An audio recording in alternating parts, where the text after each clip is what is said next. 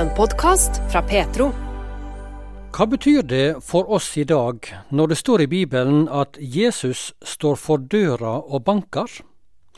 Steffen Stensland er regionleder i Misjonssambandet på Nordvestlandet, og i serien 'Dette har gjort meg glad' forteller han i dag om ei oppleving han gjorde da han i romjula leste disse orda fra den siste boka i Bibelen. I romjula så avslutta jeg året med, med å lese Johannes' åpenbaring. Siste boka i det- Bibelen her, altså. Siste boka i Bibelen. Så da, det var på en måte en passelig eh, bok å avslutte året med. Eh, Men da, eh, og da leste jeg fra kapittel 3, og så fra vers 20 der. Og Jeg skal lese verset, men det er et vers som jeg har et forhold til fra før av. Altså, jeg, jeg gikk på en videregående skole, og der var det ofte forkynnere som var innom. Og, og mange av de visste at her på denne skolen er det mange som ikke kjenner Jesus, og de kommer kanskje på møte. Så de var veldige på å invitere inn til å bli kjent med Jesus, og det jeg er veldig glad for det, altså. Eh, Men det er på en måte det som har vært ramma mi for det verset der. At jeg har tenkt at det handler om det å ta imot Jesus, men så ble det litt nytt i romjula. Jeg skal lese det. Sjå, jeg står framfor døra og banker. Om noen høyrer røysta mi og åpner døra, da vil jeg gå inn til han og holde måltid. Jeg med han, og han med meg. Ja, Og så er dette Jesus. det er Jesus som sier dette her. Ja. Hva var det du oppdaga med dette verset nå i romjula? Nei, dette verset det er skrevet til en, en menighet. Så det er skrevet til folk som allerede er kristne.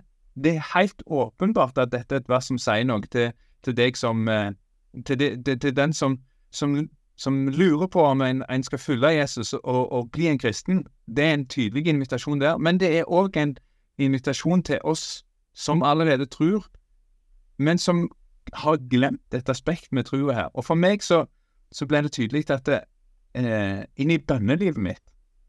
At det, når, når jeg ber, så kan vi ofte tenke at eh, Jeg tror det er rent menneskelig, altså. Når du skal ta kontakt med Han som er Gud og har skapt himmel og jord, så, så blir vi litt sånn ja, Nå må jeg maser litt på han, eller jeg må, jeg må, nå må jeg prøve å få oppmerksomheten hans på et eller annet vis. Og så kan det være ting vi ikke ber om, og så kan det være Ja. Men her, her, her ser vi en holdning hos Gud som sier jeg står rett på andre sida av døra, og så, og så vil jeg inn. For når du banker på ei dør, da ønsker du oppmerksomheten til de som er inne der. Og, og hvis jeg da åpner den døra, noe som jeg tenker vi på en helt konkret måte gjør når vi ber til Gud, da vil han komme inn, og så vil han holde måltid med meg. Ja, hva ligger det i det, holde måltid? Hva oppfatter du av det ordet, ordet her? Nei, det kan være mange ting, men, men først og fremst så er det et veldig tydelig uttrykk for at jeg har tid til det.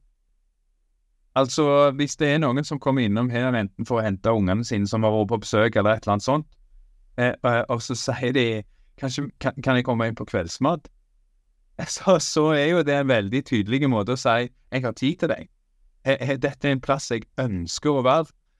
Og, og det å få ha det med seg, at når jeg Eh, Jeg vet ikke hvordan du gjør det, men ofte, for min del, så knepper jeg hendene. Eller bare åpner håndflatene, og så ber jeg til Gud. Og vite at da er han der. Og så vil han komme inn, og så vil han være med meg og lytte til meg og høre på de tingene som jeg har på hjertet. Det er ganske stort, altså. Det er det. Så det, det er noe som har gleda meg, altså. Er det sånn at du da forventer et svar fra Gud på det du ber om, eller hva, hva tenker du der? Det der syns jeg er litt krevende, altså. Jeg syns det er litt vanskelig, fordi at jeg, jeg, jeg har erfart sjøl at han har svart på bønner, og så har jeg òg erfart at det er noen ting han ikke har svart på. Og så tror jeg jeg skal Noen ganger så mener jeg jeg er ganske sikker på at jeg ber om ting som han òg vil, og så, og så skjer det ikke allikevel. Men jeg, jeg, jeg tror at jeg kan få noen helt tydelige bønnesvar, og så er det ikke alltid sånn som jeg tenker. Men det som er med dette verset her, da, det er at det sier noe om at det, om Det er ikke først og fremst det svaret det sier noe om, men det sier noe om at jeg har tid til å være her. Jeg har tid til å lytte til deg. Og dette som du kjenner på, det vil jeg, det vil jeg sitte og høre på. Og så sier han at jeg vil holde måltid, jeg med han, og han med meg. Så han sier han har noe å si meg. Og det, det gjør han jo òg. Jeg hører det selv, altså jeg hører ikke i ord, eh, uttalte ord som jeg hører med ørene mine. Men han, han gir meg en, en, et pågangsmot. Han styrker meg. Og det at jeg får sitte og, og prate med han om det, det gjør at jeg vet at han går med meg gjennom disse tingene som, eh, som jeg står i. Og det er faktisk en ganske god ting å ta med seg inn i et nytt år. Det er det. Det er noe som har gleda deg ved starten på 2024? Absolutt. Det har gjort meg veldig glad. Det sa Steffen Stensland. Han er regionleder i Misjonssambandet på Nordvestlandet. Og bibelordet som er utgangspunkt for eh, denne praten, finner du i Johannes' åpenbaring, kapittel 3 og vers 20. I serien eh, 'Dette har gjort meg glad' så eh, snakker vi med ulike ledere og ansatte i Misjonssambandet, som forteller om opplevelser som har gleda dem. En podkast fra Petro.